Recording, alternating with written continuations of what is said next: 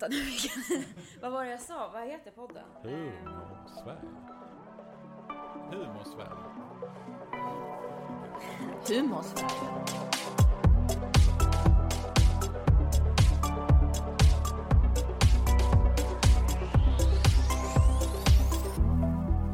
Hej och välkomna till ett nytt avsnitt av Hur mår Sverige? Podcasten från Sverigehälsan. Eh, idag har jag med mig en gäst som heter Naska Ismail och vi ska prata lite om hedersrelaterat våld och förtryck. För det är faktiskt så att Naska utbildar eh, inom just detta på Sverigehälsan. Hon har haft eh, den första utbildningen tillsammans med oss igår och den andra dagen är idag. Eh, så välkommen Naska. Tack så mycket. Eh, vem är du? Vill du presentera dig? Ja, jag heter som sagt Naska Ismail och jag jobbar med eh, hedersrelaterat våld och förtryck och mäns våld i nära relation. Jag utbildar i eh, både Patriark och Sara som ju är riskbedömningar eh, för hedersrelaterat våld och förtryck och för mäns våld i nära relation. Jag håller även utbildningar i hur man arbetar med inre och yttre skydd när man har eh, skyddade personer. Spännande. Hur kommer det sig att du började jobba med sådana här frågor?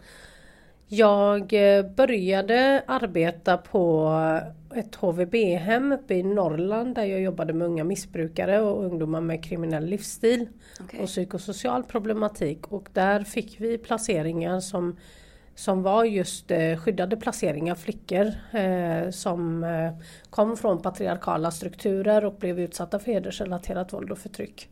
Eh, så de hade vi i verksamheten och vi hade även pojkar som blev placerade för missbruk och kriminell livsstil som också kom från hedersrelaterat våld och förtryck.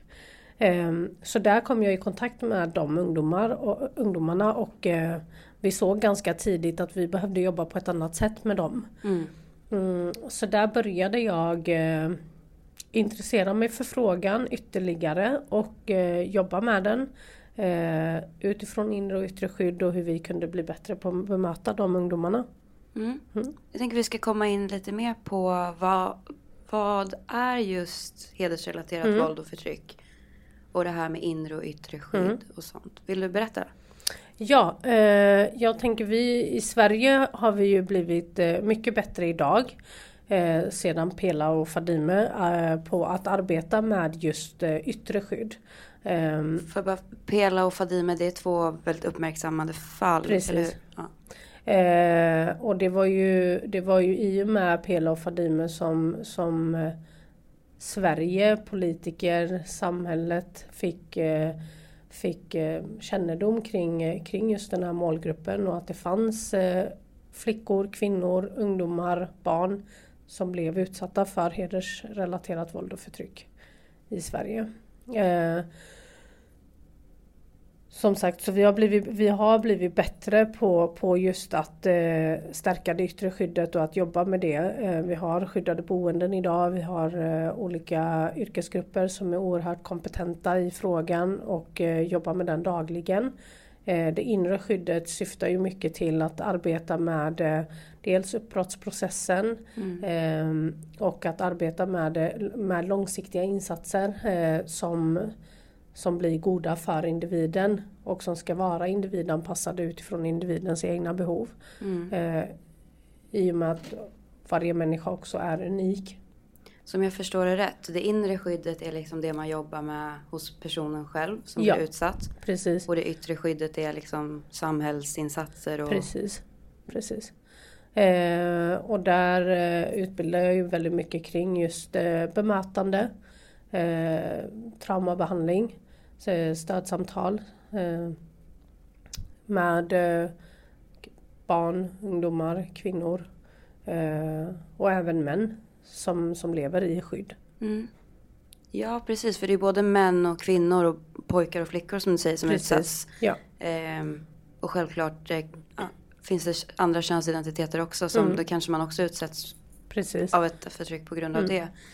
Ehm, men vad, hur kan det skilja sig där? Det, du nämnde till mig tidigare att män kanske eh, har ett dubbelt Ja precis, det, vi, det, det jag tänker är att vi missar ju, vi pratar ju väldigt mycket om flickor och kvinnor som ju också är en, är en är ju den gruppen som är eh, mest utsatt Mm. eh, inom eh, patriarkala strukturer. Eh, men vi har ju också de här pojkarna som lever med dubbla roller eh, av att vara både offer och förövare som också lever med våld och förtryck. Mm. Eh, och det är ju en grupp som, som vi ser väldigt mycket som jobbar inom vård och behandling. Eh, att, att de kommer med missbruk, med kriminalitet, med annan psykosocial problematik i, inom HVB-verksamheter, inom SIS-institutioner, kriminalvården och så vidare. Mm. Eh, och där vi behöver eh, bli bättre på att dels uppmärksamma dem eh, och det behovet som finns där men också hur vi ska arbeta även med dem Mm. utifrån deras utsatthet. Självklart, ja. Hur, eh, hur vanligt är det egentligen med hedersrelaterat våld och förtryck idag? Hur ser det ut? Ja, det är ju det är en ganska, det är svårt att uppskatta omfattningen utav det. Eh, är det. Och eh, det, det, finns, det finns eh, en del uppskattningar utifrån hur, hur omfattningen ser ut världsligt om man säger så. Eh, Mm. över hela världen. Men eh, det, har, det är svårt att genomföra studier och försöka ge en bild utav omfattningen. Men vi kan tänka utifrån det vi, det vi vet idag. Det är att det, det är ett det är en stor grupp och det, det är Mm. väldigt svårt att ta till sig hur omfattande det faktiskt är. Mm. Ehm, men det är en, eh, det är en svår, eh, det är en komplex målgrupp. Vilket Mm. också gör det väldigt svårt att, att, att föra studier kring och så vidare. Mm.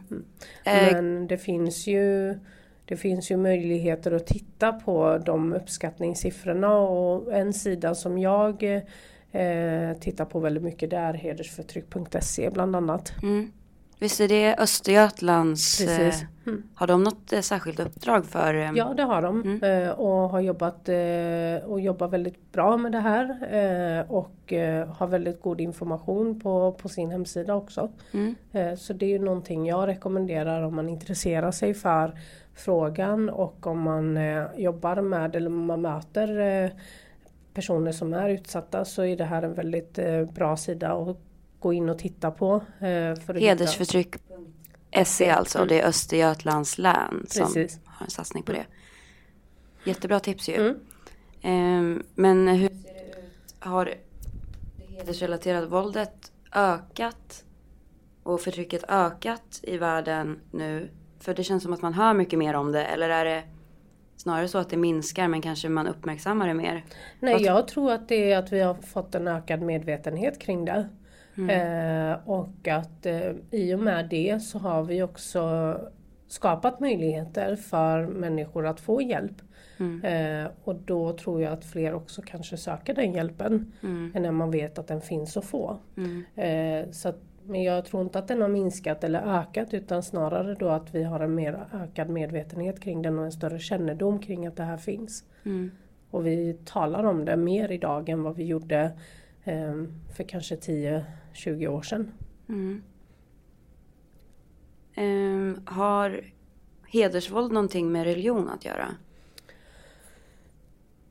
Jag skulle säga att det är både religion och kultur. Jag skulle vilja säga att eh, kvinnosyn eh, genomsyrar religionen även inom kristendomen exempelvis eh, där vi talar mycket utifrån att kvinnan kommer från mannen. Mm. Eh, och det var, det var Eva eh, som, som syndade Mm. eh, och som gjorde att hon och Adam blev förvisade ur paradiset. Så vi har, vi har en kvinnosyn inom religionen som inte, som inte visar på jämlikhet, som inte visar på lika värde, eh, på kvinnans rättigheter. Mm. Och sen har vi kulturer som, med samma principer, med samma mentalitet och samma strukturer. Mm. Och de, de här två tror jag hjälper varandra, de går hand i hand Mm. för att eh, fortsatt skapa eh, kvinnoförtryck. Kan det vara så att eh, ja, men samhällen och kulturer där att religionen frodas och kanske mer, vad ska man säga, konservativa värderingar Mm. och religiösa, att man är att de kan gå lite hand i hand ofta? Ja, men jag tror, jag tror, eller jag tänker att det är så att eh, kultur och religion går hand i hand. Mm. Eh, och har man dessutom då eh, religiösa grupper eh, och även eh, grupper som kommer med en kultur som, som just upprätthåller våld och förtryck i herdens namn så, så kommer det att, och, så kommer det att finnas. Mm. Ja. Och det kan ju också vara så att, eh, att man kanske har eh, man lever i ett samhälle där kanske man inte har samma tilltro till staten, samhället. Man behöver annat att luta sig mot. Precis. Och i Sverige har vi ju grundläggande mänskliga rättigheter. Vi har barns rättigheter, Mm. eh, barnperspektiv, barnkonventionen. Och vi har ju eh, juridiska lagar och ramar som upprätthåller just eh, lagen om att skydda individen. Mm. Och i många utav de här kulturerna så kommer man från krigsdrabbade länder och, och liknande där man inte har den tilltron till vare sig regim eller polis, polisen, ordningsmannen och de juridiska lagarna. Eh, och då blir det ju att man vänder sig till den gruppen man, man det sammanhanget man befinner sig i och det blir ju kollektivet. Mm. Eh, just för att eh, det, det inte går att lita på det, den kontexten man är i. Nej. Så um, vilka yrkesgrupper tycker du är det som behöver ha kunskap om heder och hedersvåld? Ja, I första hand så tänker jag ju alla som kommer i kontakt med, eh, med personer som är utsatta för hot och våld och förtryck. Eh, Främst tänker jag i skolan, det är ju den första institutionen, en, en, en av de första institutionerna eh, där vi befinner oss eh, och eh, där vi befinner oss med andra som kommer från andra kulturer, andra länder, andra religiösa tillhörigheter och så vidare. Och det är första socialiseringen eh, som vi gör. Mm. Så jag tänker att skolan blir ju, blir ju väldigt viktig, väldigt eh, central i just den här frågan också. Mm. Även kanske inom vården och, och psykologer finns det? Givetvis eh, polis, eh, HVB-verksamheter, eh, familjehemsverksamheter och liknande. Så att, eh, jo, men alla, jag tänker alla som kommer i kontakt eh, med människor som är utsatta. Mm.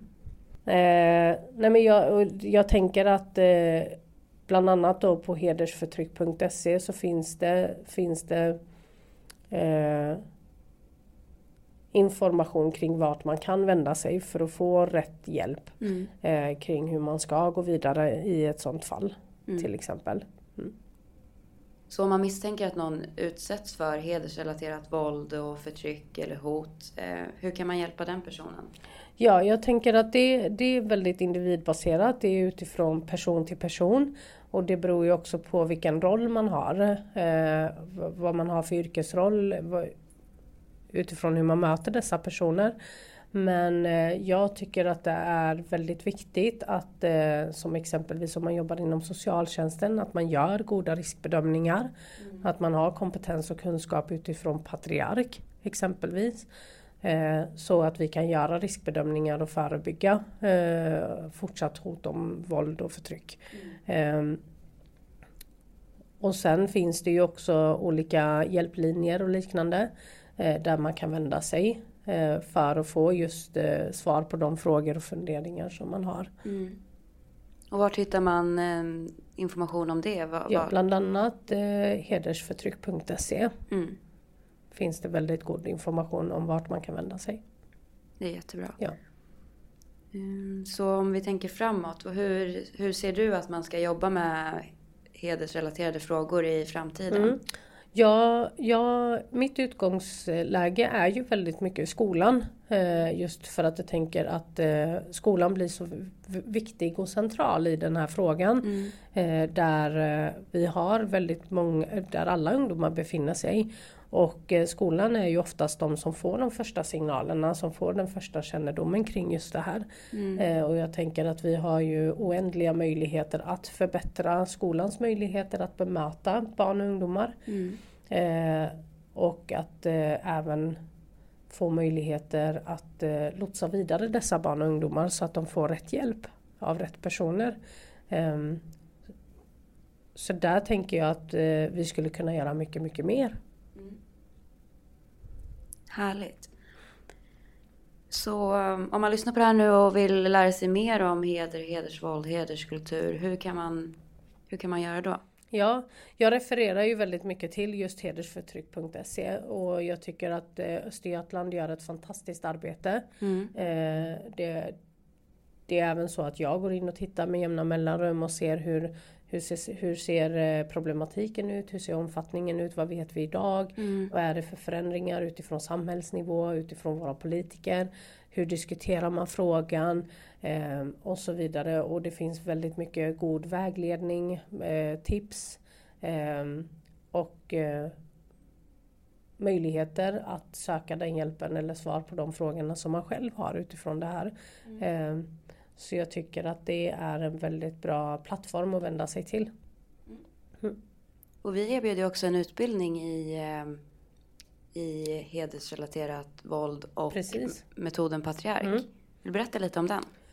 Ja, Patriark är ju en riskbedömning eh, för att just bedöma risk om hot och hedersrelaterat eh, våld. Eh, och eh, där får man ju möjlighet då som yrkesverksam att eh, gå den utbildningen för att kunna göra riskbedömningar. Ehm, och eh, den andra delen av utbildningen är ju just det hur vi bemöter personer som lever i skydd eh, och med skydd. Vill ni veta mer om utbildningen i hedersrelaterat våld och patriark, den är på två dagar, så kan ni gå in på sverigehälsan.se så hittar ni den där. Ja. Och jag vill tacka dig Naska för att du kom hit idag och eh, ja, ville vara med i vår podd. Tack så jättemycket för möjligheten. Tack. Vi ses igen i Det gör vi. framtiden. Absolut. Tack. Tack för idag. Tack.